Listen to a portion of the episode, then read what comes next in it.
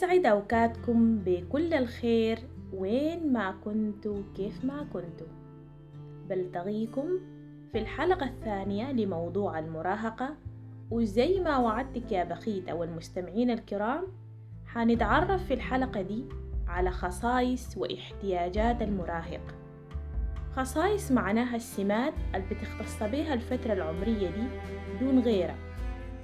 مثلا عدم إدراك المراهق لعواقب الأمور الخطيرة أو أنه يواجه صعوبة في فهم احتمال تعرضه للسوء في حالة قيامه بأمور خطيرة.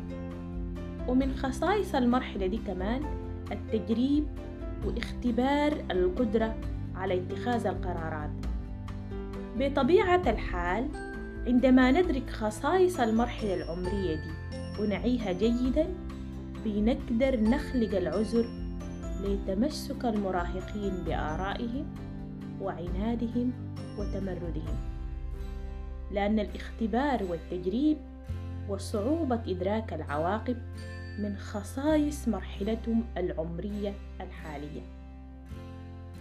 لذلك خلق بيئة آمنة للحوار والمناقشة مهم جدا لتجاوز هذه المرحلة بسلام.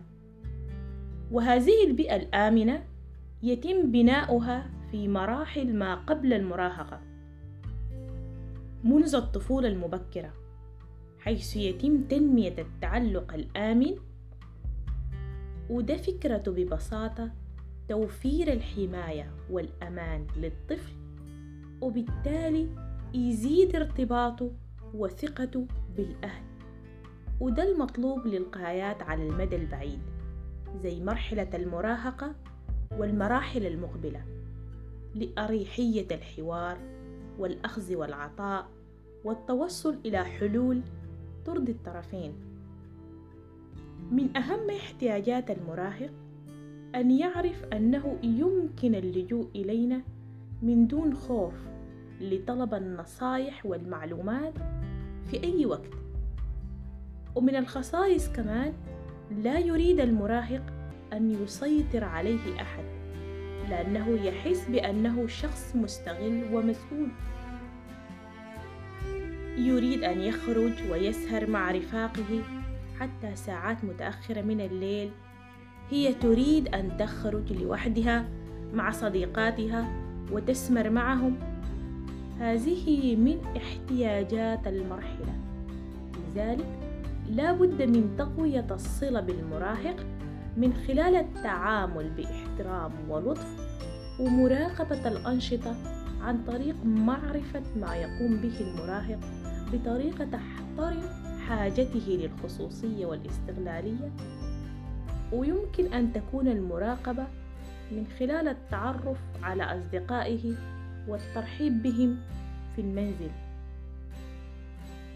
لأن المراهقين في هذا العمر يميلون لقضاء وقت أطول مع الأقران بدلا من الأهل. لذلك يجب معرفة ما يقوم به المراهق في أوقات الفراغ ومحاولة إيجاد أنشطة مشتركة تدعمه لتحقيق غاياته والاهتمام بأنشطته وهواياته دون التغفل. وتأكيد حضور المناسبات التي يتواجد فيها ويهتم بها مثلا يوم رياضي يوم ثقافي توزيع درجات أعياد ميلاد بمعنى ننخرط معه ونشكل جزء من اهتمامه. يحتاج المراهق منا أن نحترم أفكاره ونظهر له المحبة غير المشروطة أن ندعمه عند ارتكاب الأخطاء ونشجعه على المحاولة مرة تانية عند الفشل بدلا من الانتقاد.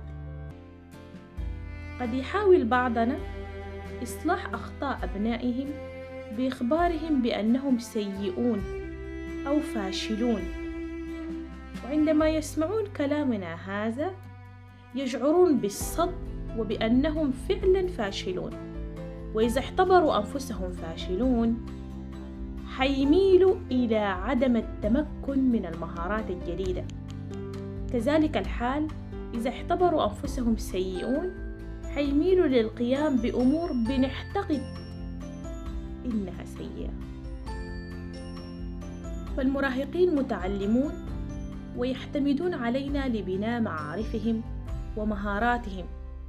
لذلك يحتاجون إلى تشجيعنا وإلى دعمنا وكل ما زادت ثقة المراهق بنفسه كان مستعدا أكثر للمحاولة مرة أخرى وراض عن قدراته في حالة الفشل لأننا أكدنا له من قبل إيماننا بهذه القدرات التي يمتلكها وكذلك ثقتنا به.